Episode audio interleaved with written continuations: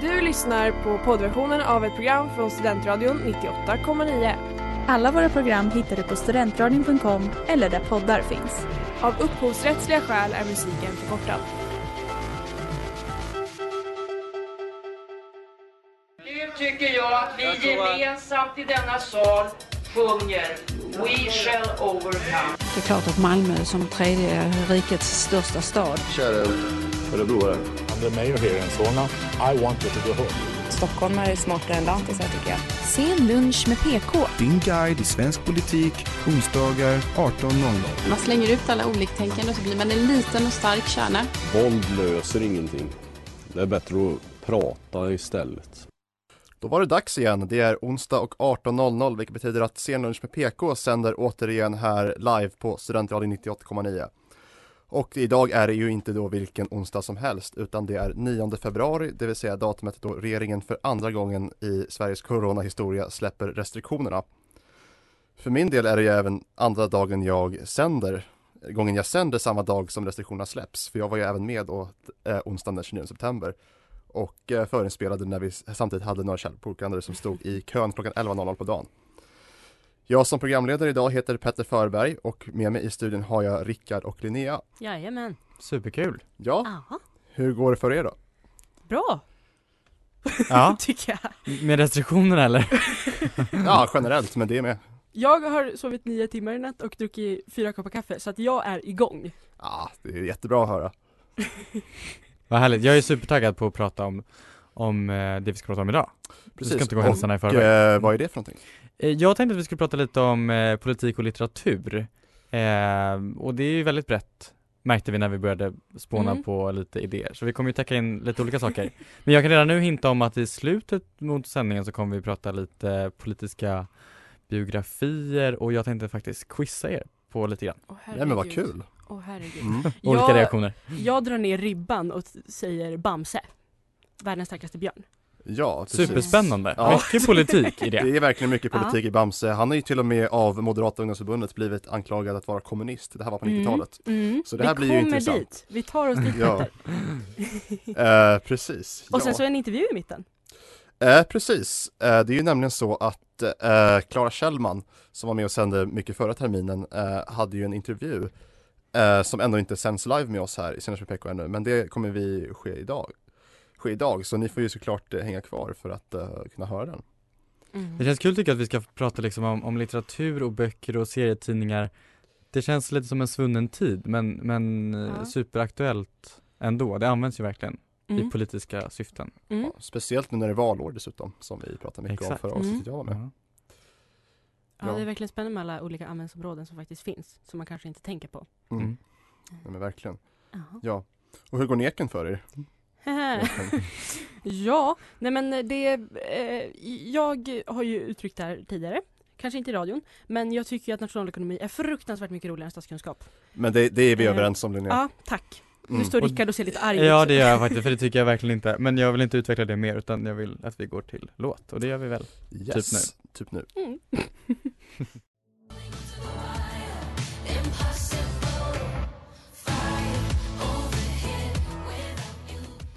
Det där var Head on Fire med Griff och Sigrid här på Studenten 98,9 och ni lyssnar på Scenlunch med PK.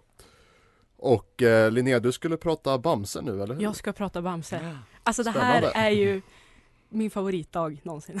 Få prata Bamse i radio. Mm.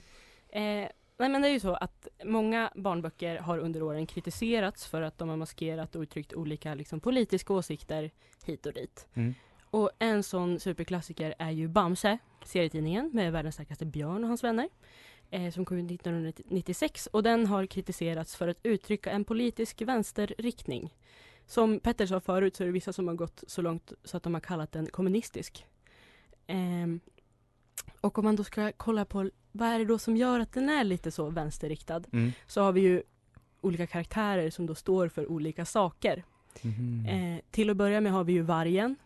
Jag vet inte hur bra ni känner Bamse och karaktärerna men det är ju liksom var länge sedan man OG-skurken. läste, ja just det. Men om du Bra. tänker så Ja du får sitter det recapa någonstans karaktärerna rakt lite grann, Mm. men varje, varje skurk Vargen är köper ju- konceptet. Den första skurken. Mm. Ja. Som då efter, liksom under seriens gång blir snäll. Men bara ifall man är snäll mot honom. Så att han ehm, blev ju snäll av snällhet. Mm. Och sen så har vi ju Krösus Sork. Som representerar kapitalismen antar jag. Precis! Det var du snabbt på. Chocker! Nej men jag läste faktiskt lite om det här igår, men nu ska Mm. jag inte avbryta dig. Eh, ja men precis som du sa Petter så Krösus Sork representerar ju kapitalismen eh, och beskrivs som att han gör vad som helst för pengar. Rune Andreasson som är serietecknaren och då uppfinnaren av Bamse och hela Bamsevärlden. Eh, hans idé var att Krösus skulle representera girighet och vulgärkapitalismen. Mm. Och han har sagt att Krösus blir aldrig snäll för då kommer det bara en ny Krösus i hans ställe.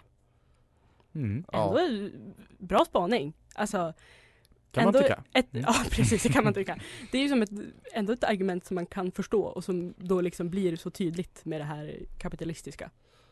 Men frågan är om man läser det så när man är fem år och Nej, det, jag gjorde absolut Det, inte det nej det gjorde inte jag heller liksom, men Nej. det är ju, men eh, Vissa kan ju väl anklaga att den här är väl lite så här, vad ska man säga, indoktrinerar barn då, Mm. lite grann på det sättet. Precis, precis. Ja. Eh, men det är väl de två kanske tydligaste exemplen i serien. Mm. Mm. Eh, och det som är att Rune Andersson, han har aldrig tagit avstånd till det här offentligt. Eller från de här liksom anklagelserna Mot om att det ska vara kritiken. kun- Mm. Precis, Mm. mot kritiken. Mm. Eh, och efter hans död så har ju vissa tidningar liksom getts ut i repris eller vissa små seriesnuttar. Mm. Och då har de faktiskt redigerats i efterhand och tonats ner. Jaha. Eh, på, liksom, på de här politiska eller det som har kritiserats. Men Har inte de här, ja precis. Var nyfiken. Vad sa du? Har du något exempel? Eh, vi- vi- jag, åh, gud, jag läste om det här. Det var ju jättedåligt att jag inte tog med det. Men det, Ah, var, okej. det finns ett om ehm, eh, det här stora torget i Kina. Det var, Ja, vänta, jag Bildad tror, man jag, tror jag låter. minns att, eh, ja, det var någonting om att eh, heter det Fridens Alltså jag läste på Wikipedia och nu ska det, jag säga att jag läste på Wikipedia eh, Det behöver inte betyda att det är sant nödvändigtvis som alla vet men Mm. eh, det var typ att eh, de sa, ja ah, efter Mao blev diktator så Exakt. fick alla lika mycket mat och ingen svalt Precis, där. så att Mm. där har de ju ver- verkligen vägt in det här med att Ja. kommunisterna, alla är lika, alla är lika bra, alla Mm. får lika mycket. Eh, och sen så 2011 så användes Bamse igen. Då av Migrationsverket som skulle lära barn om hur asylprocesser går till. Mm. Så det kan verkligen användas till mycket och gör det, barnböcker generellt. Intressant. Mm. Det är jättebra in, inlärning för de som i Mm. nya språket Mm. får man ändå säga. Precis, Mhm. ja det här är intressant och vi ska ju fortsätta prata om det här lite mer efter nästa låt Jajamän.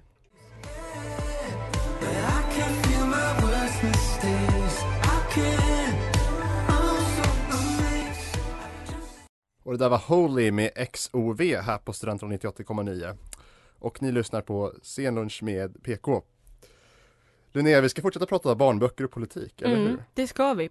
Fast nu tänker jag mer gå in på barnböcker som har censurerats eller ändrats genom Mm. åren. Cancel culture Precis. Och då är ju frågan, ska man låta dem förändras eller ska man eh, Ska de få dö ut liksom med åsikterna som de beskriver eller de orden som kanske inte borde användas? Mm. Och vi har ju typ topp två exempel på det här. Får jag gissa? Ja, Pippi? Ja, Ja. och Ja just det, såklart en till. Hmm. Ja, nej, okej. Han är detektiv och har en hund.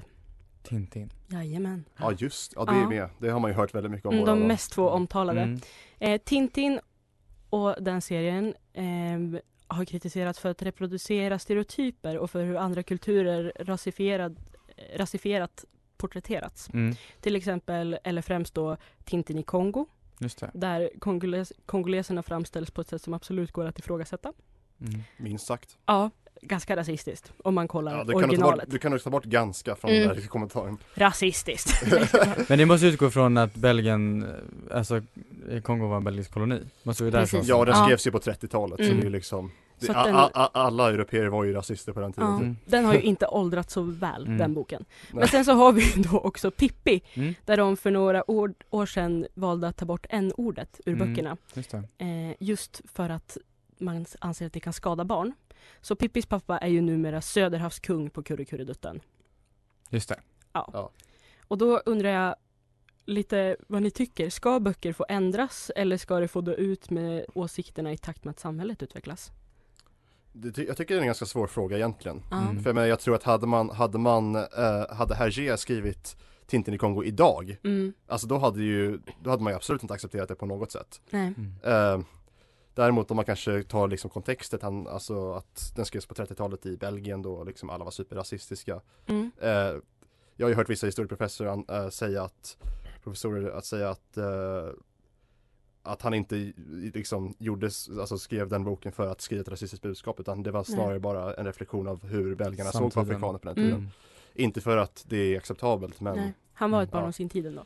precis. För jag har tänkt på det där och jag tänker också att på något vis kan man ju ha kvar eh, tanken och de här orden och visa på historien och hur fel det blir Mm. och hur fel det kan se ut i dagens samhälle. Mm. Men jag har ändå någon form av åsikt om att ska det här läsas som godnattsagor för barn så borde det ändras. Men samtidigt så att den som läser, jag tycker också att det är en komplex fråga får man Mm. börja med att säga. Men den som läser den som godnattsaga har ju kanske också ett ansvar då att Precis. förklara och sätta det i ett, Ett utbildningssyfte samtida kanske. kontext. Ja, Ja. Ja precis, det, jag skulle säga att den som läser har ju det största ansvaret liksom. Ja. Att, eh, ja. Så är det ju med allt, för det är också så här, börjar man censurera, jag tänker de senaste veckornas debatt om eh, ja, Spotify och allt det här Mm. som har varit Börjar man censurera åsikter som man själv tycker är konstiga och jättemärkliga Var ska man sluta? Folk Ja, är så Det är, lite, det, det är väl Ja, samma precis, sak om blir- frågan om man får skämta om allting. Liksom. Ja. Det är lite Ja, lite så också Mm. Ja. Så det är jättesvårt, men, Ja. men hur, ja Mm. Ja, jag har ändå Men det är väldigt svårt. Ja, om att liksom i utbildningssyfte, absolut okej, ta det som ett bra exempel. Ja. Men, jag vem ska att- ta ansvar för att Ja, det för blir, vad som allt är rätt faller ju på föräldrar. Ja. Så blir det ju. Ja, precis. Det är föräldrarnas fel om barnen blir rasister. Precis. Sammanfattat. Tack Precis. Petter. Eh, ja, nej men det är en väldigt intressant diskussion vi har Mm. och eh, de nästa två pratarna så kommer vi höra eh, Claes Hellmans intervju. Men först blir det låt.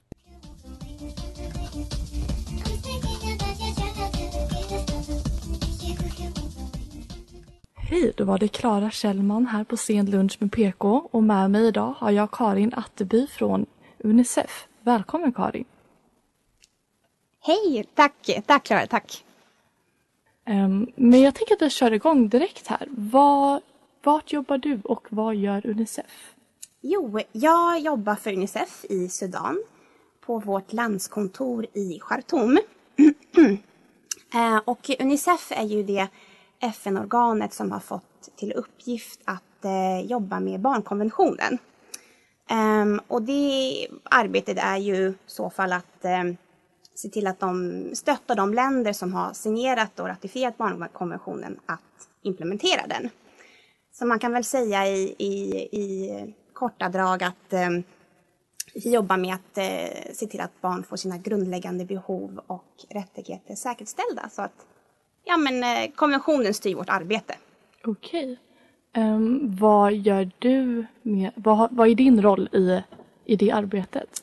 Jo, alltså konventionen är ju såklart väldigt eh, på sätt bred. Man kan ju, finns både artiklar om eh, skola, om sjukvård, om information och så vidare. Och så Unicef har ett ganska brett spann eh, i aktiviteter som vi gör. Men jag eh, personligen, jag jobbar med det som vi kallar för eh, ett arbete runt eh, skydd av barn. Och då skydd mot eh, våld, exploatering och utnyttjande. Och jag framförallt jobbar med det i, med barn som befinner sig i konfliktzoner. Så det kan till exempel vara, ehm, ja men säg i- södra Sudan till exempelvis, barn som bor i områden där det pågår konflikt. Ehm, och eh, som behöver tillgång till psykosocialt stöd eller stöd från myndigheter så vi hjälper både myndigheter och eh, barn med att komma i kontakt med varandra. Ungefär så kan man säga. Okej.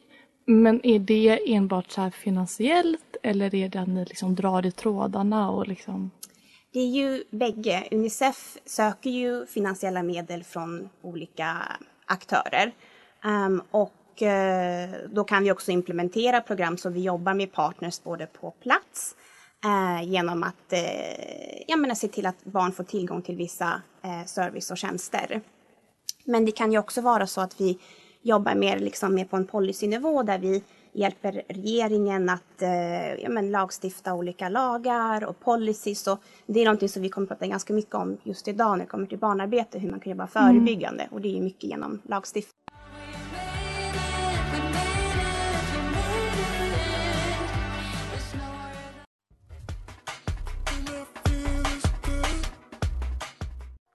En sista fråga. Eh, hur tänker du att man, eller man som stat skulle kunna jobba med de här frågorna? Um, jo, um, i den uh, rapporten som, som vi talade om tidigare uh, så listar de upp några rekommendationer som jag tänkte att vi kan prata lite om. Um, det första är som vi pratat ganska mycket om det här med att stärka lagstiftning eh, och stärka system inom staten som myndigheter. och Eh, de allra flesta länderna, alltså barnkonventionen är en av de mest ratifierade, är den mest ratifierade faktiskt i världen. Um, så det handlar ju också om att ta den internationella lagen som man, man har liksom signerat under och, och, man ska leva efter till sin nationella lag. Uh, så det är ju ett sätt att, att stärka den nationella lagstiftningen. Och också stärka de systemen som ska implementeras som socialtjänst, rättsväsende och polis. Um, och uh, då liksom och det behöver ju många sorter hjälp med. Liksom. Och då, ja, men som, det är roller som civilsamhället kan ha att, att, att stötta och och liksom ge den teknisk expertis och råd som, som, eh, som, som, som man som vis, i vis civilsamhället har. Um, och sen så har vi pratat mycket om det här med ökat socialt skydd. Att, um, som, som, vi, som vi pratat om att mång, de flesta barn arbetar ju faktiskt för att, för att hjälpa sina egna familjer. Mm. Um, och om man kan tänka sig då att uh, det finns en typ form av bidrag som till exempel barnbidrag um, som istället skulle kunna vara en inkomst i familjen så skulle kanske familjen då inte behöva vara beroende av barnens liksom, inkomst som, som arbetar Precis. utan man får ja. ett universellt bidrag och det kan faktiskt hjälpa. Um, och sen har vi såklart det här viktiga med skolgång att uh, det är ju en, en rättighet till barn att, att få gå i skolan och lära sig och det är otroligt viktigt för barnets utveckling. Um, och man ser ju att barn som arbetar går ju inte i skolan heller. Uh, och att det också kan stoppa barn från att gå i skolan som till exempelvis mm. många tycker i Sudan i den här undersökningen vi gjorde. Um, så det är viktigt att man lagstiftar att, och säkerställa just barnens rätt till skolgång, att man informerar om det, uh, ja, men också bland familjer, i, utbrett och genom samhället så att alla är medvetna om, om barnens rättigheter och att barnarbete, den negativa eh, påverkan som de har på barn. Uh, och uh, ja, man kan ju exempelvis tänka sig att man, man gör skolgång gratis, böcker ska vara gratis så att det blir enklare för, mm. för familjer faktiskt att, att se till att sina barn går till skolan. Om jag bara får flika in där, eh, tror du att det är ehm, eh, liksom att man inte liksom ser vikten av skolan som gör att man liksom hell, inte låter sitt barn gå dit, eller låter men... Ja, det är ju en jättesvår fråga. Det är så, jag, jag, tänker väl nästan att det är så, igen man måste komma tillbaka till frågan vad har man för val? Mm. Um, jag tror nog att det, det är nog den, mm. det är nog ett, en större vikt i just den frågan mm. än om man värdesätter utbildning eller inte. Mm. Uh, just att vad har, man för, vad har man för möjligheter till att se till att alla i sitt hushåll har mat i magen, mm. tak över huvudet. Um, och uh, det kanske blir svårt då att, mm. att uh, sända sina barn till skolan om man faktiskt behöver hjälp i jordbruket hemma. Mm. Uh, så jag tänker mig att det är en fråga om vad, vad har man, ja, vad är det för möjligheter och val man har liksom, mm. i, sin, i sin individuella situation. Men utöver då skolgång eh, och socialt skydd och, eh, och lagstiftning så är också det här med födselbevis någonting väldigt viktigt och någonting som Unicef jobbar väldigt mycket med att se till att alla barn registreras. För det är i slutändan ofta så att i många stater så kanske man inte har kapaciteten att utfärda födelsebevis och då vet man inte heller riktigt vad man har för ålder. Mm. Eh, och då kan det ju bli väldigt svårt när man står inför frågan med barnarbete om man inte kan uppvisa sin faktiska ålder. Och utöver barnarbete så har det här med födelsebevis, det är ju det sättet som barn eh, får tillgång till många olika service i, i, i samhället, alltså sjukvård. Jag menar, man kan visa att man faktiskt är född vad ens, ja, men vad ens mm. eh, medborgarskap ja, nästan. Liksom. Så det är ju också en jätteviktig del eh, att säkerställa eh, barns eh, tillgång och rättighet till ett, ett, ett certifikat, ett födelsebevis helt Just enkelt. Mm. Ja, men tack så jättemycket för den här informationen. Um, du får ha en trevlig Lucia-dag. Ja, tack så mycket. Tack för att vi kom. Ja, tack.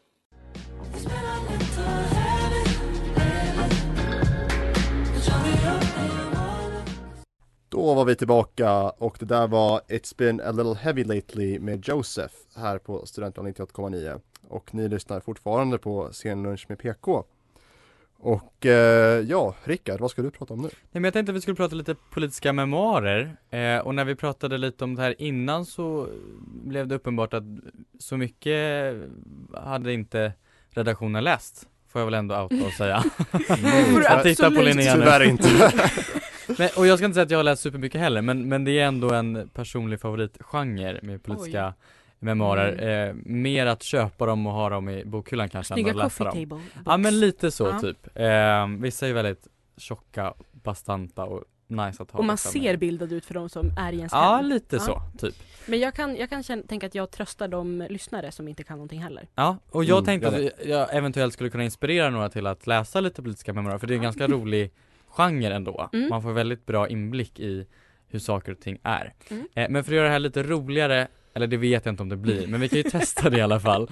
Så tänkte jag skulle quizza er lite. Jag läser upp eh, vad bokens titel heter och eh, typ det som står på baksidan av boken. Och så ska ni få gissa vem har skrivit den här boken.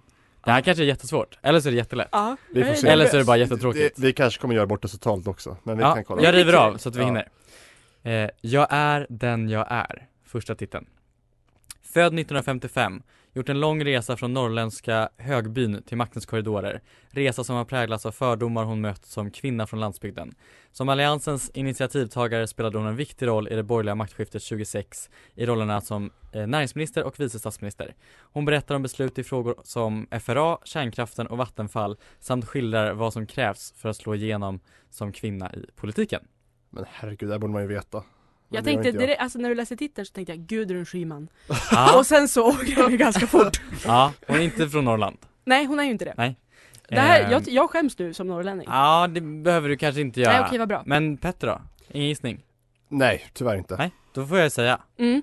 Det är Maud Olofsson Ja, Trodde ni skulle ta på Vattenfall där på slutet Den såklart. ska någon eh, Den har jag faktiskt påbörjat läsa Den Mm. var, eh, med all respekt för Maud, fruktansvärt långsam Mhm. och eh, väldigt tråkig Hon har väldigt mycket bakgrund om sin egen uppväxt och det är ju ett återkommande tema Som stockholmare vet man ju inte hur Norrland ser ut. Eh, det får stå för norrlänningarna, eller så. Nej men eh, vi kommer till, till den sen kanske. Okej. Men eh, eh, den kan ju vara bra. Men det här att de ska berätta så himla mycket om sin bakgrund, Mm. det är ju inte därför man har köpt boken, vill jag ändå säga. Man Nej. vill ju höra det gottiga från Maktens korridorer, som Ja. kommer sen. Skvallret. Eh, lite så. Men, eh, Vem som hatar vem egentligen. ja, Mm. exakt. Jag har en till. Eh, lärdomar. Som 18-årig eh, gick han med i SSU, då hade han ett trasigt knä som satte stopp för en lovande fotbollskarriär. Istället blev han en av Sveriges ledande politiker med närmare 60 år i maktens absoluta centrum. Han sammanfattar sitt liv genom en samling erfarenheter och tankar som rör både privata och yrkesmässiga händelser. Väldigt generellt beskrivet kände jag när jag läste det Mm. också. Svårt. Mm. Den här var lite otippad också, har ni någon Ja. gissning? Nej. Nej. Petter har tappat Nej. entusiasmen för Jag min tänkte lek. fotboll, jag tänkte Steffe. Men, Nej, Jo, inte jag tänkte det också Absolut, Men sen så när det var men det- 60 år, då blev, kändes det Ja, Mm. Så Ja, du får, du får Jag blev säga. lite lockad, jag har inte läst den här boken, det är Ingvar Carlsson, för detta statsministern mm. eh, Jag tyckte att den, eh, den är säkert intressant men Mm. eh, den kändes ju lite mossig bara i titeln, Lärdomar eh, Där tycker jag de kan steppa upp sitt game överlag, Ja. titlarna på memoarer Ja. eh, Det pratar vi mer om sen Mm. Yes, men först kommer en låt.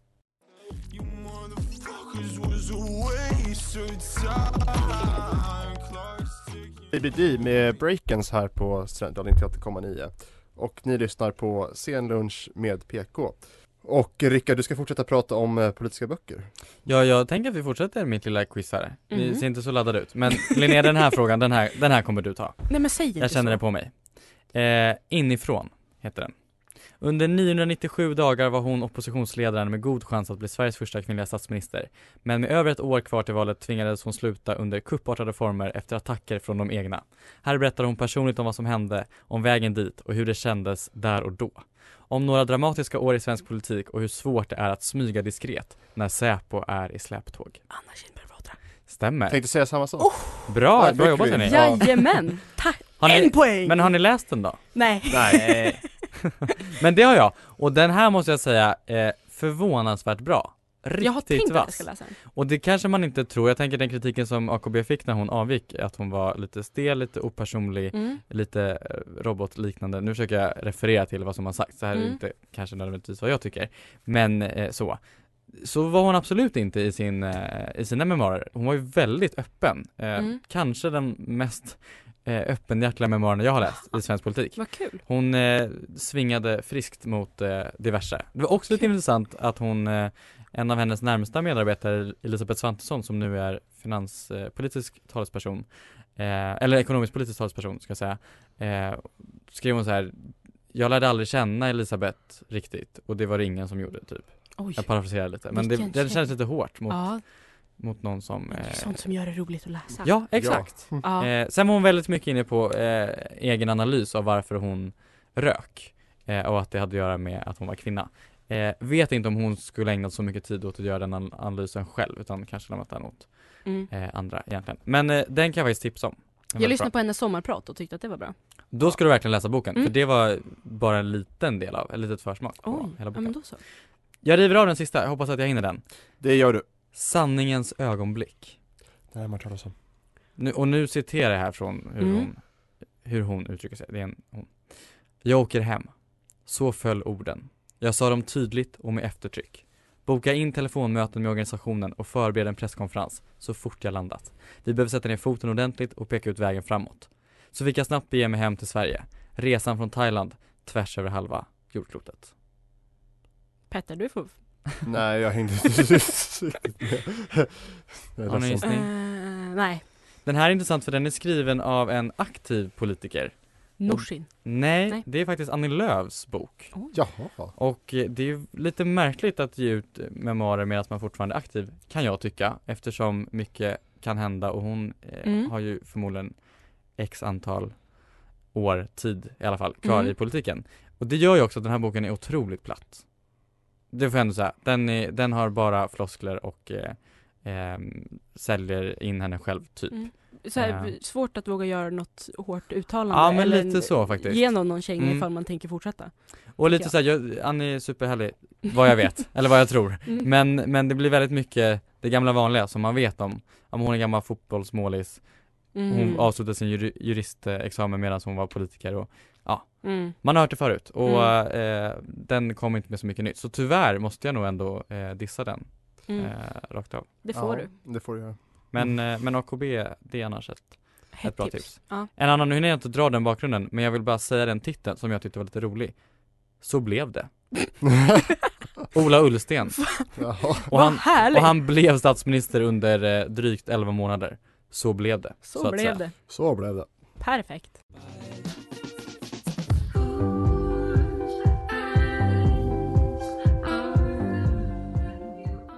Och det där var Abide med Colleagues eh, här på Studentradion 98,9. Och ni lyssnar på Scenlunch med PK som nu tackar för sig. Mm. Mhm. Ja, och eh, idag har vi pratat allt från politiska böcker till, ja, till Bamse och till Tintin i Kongo. Och även så så har ju även Rickard eh, satt oss på plats med eh, vår Ja. okunskap. Jag skäms. ja, Jag är bra på annat, jag lovar. Ja, det det är jag också. Så eh, gärna ett nytt ämne nästa gång. Ja det kan bli, men jag tycker det är lite Ja. roligt att quizza. Men det det, kanske vi kan få lite lyssnarreaktioner på. Tycker lyssnarna Mm. att det är kul när vi quizar? Mm. Det Det vet vill vi vi inte. veta. Ja det vill vi faktiskt veta. Vad vill ni höra Precis. mer av? Ja. Vad vill ni höra mindre av? Skicka ett DM. Mm. Ja, nej men verkligen, ni som lyssnar på det här. Mm. Men du, du tog ju AKB Linnea. Ja, jag är Ja. nöjd med det. Jag kommer leva jag, på det. jag sa efteråt så bara, ah just det men det var det AKB liksom. Så Mm. jag fick det nästan också Mm. kan man säga. Jag kommer leva på... Du kan få låna den boken sen om du vill. Vad gullig du är. Tack Ändra. jättegärna. Kommer du inte göra. Mm. Ja, Jo, ora. Mm. Jag är ju ett fan av eh, David Batra, hennes Ja. man. Just det. Mm. Eh, så att jag har alltid antagit att hon inte kan vara så stiff. Ja. Nej. Mm. Har ni sett henne? De har ju varit med i Alla mot alla. Nej. Eh, Filip och Fredrik. Va? Mm. Där är de ganska kul. Det, det gick ganska bra för dem också i förra Ja. säsongen. Ja. Mm. Kul program på Ja. i bakgrunden. Det känns också som att hon är så här. eh, Hon är ju rolig men hon gör inget uttryck när hon skämtar. Så att folk fattar kanske inte alltid att hon skämtar. Hon är inte komiker, Nej. menar du? Precis, men exakt. Nej, precis. Ja. Mm. Ja, men det var det högt och lågt idag. Ja, Mm. och eh, som sagt så är det 9 februari, dagen då restriktionerna släpps för andra gången. Är det någonting som ni Mm. ser fram emot att göra nu när restriktionerna släpps? Ja. Festa. Ja, nej men det, det, Jag- det, jag det går inte det. att säga emot det Linnea. Du sa det. Jag sa det och jag sa det live på radio. Ja. Ja, nej men det säger jag också. Jag ser fram emot att festa som fan alltså. Ja. Ja. Det Det kliar i varenda liten cell. Nej, Ja. inte Ni, så ni illa. får men- låta som att ni inte har festat de senaste månaderna Jag har knappt gjort överhuvudtaget. Ja det har, det har man ju gjort men inte, inte liksom med fler Inte än på 40 klubb, pers. Nej, ja det är det. Jag har saknat klubba. Jag har saknat dansa. Saknaklubbar har jag också Mm. gjort. Ja. Så vi var ju faktiskt på fest med 40 pers på i Åre när vi var Oj, förra oj, veckan. oj. Jag tror det var där jag fick min omikron faktiskt som jag precis återhämtade Du tror ifrån. det? Jag tror att det var därifrån faktiskt. Bara en gissning så. Apropå det kan jag, om jag ska vara den vuxna i rummet, Mhm. Mm. knyta an till om man inte har vaccinerat sig med tredje dosen ännu så har de väldigt bra drop-in tider på, borta här på Sysslemansgatan 6. Precis, där ska, jag, där ska jag vaccinera mig faktiskt Bra, jag var där Mm. igår och bara slank in. Perfekt. Eh, Nice. Ja för de har ju väldigt mycket tider och vi vill ju inte att eh, vaccinationerna ska gå till spillo. Som de kanske precis. gör. Mm. Mm. Precis. Ja. Ja, nej men eh, det här var ju ett eh, kul avsnitt igen och eh, mm, Jag är så nöjd över att jag fått prata om Bamse. ja, Ja. Att jag fått ja, jag. Krösus sork. Mm. Mm. Det är ju, åh, Ja, men då så, vi som sänder idag tackar då för den här veckan och vi ses nästa vecka klockan 18.00 och eh, ikväll där poddar finns kommer detta avsnittet finnas. Mm. Sen lunch med PK, ditt inrikespolitiska program varje onsdag klockan 18.00 här på Studentradion 98,9. Du lyssnar på poddversionen av ett program från Studentradion 98,9. Alla våra program hittar du på studentradion.com eller där poddar finns. Av upphovsrättsliga skäl är musiken förkortad.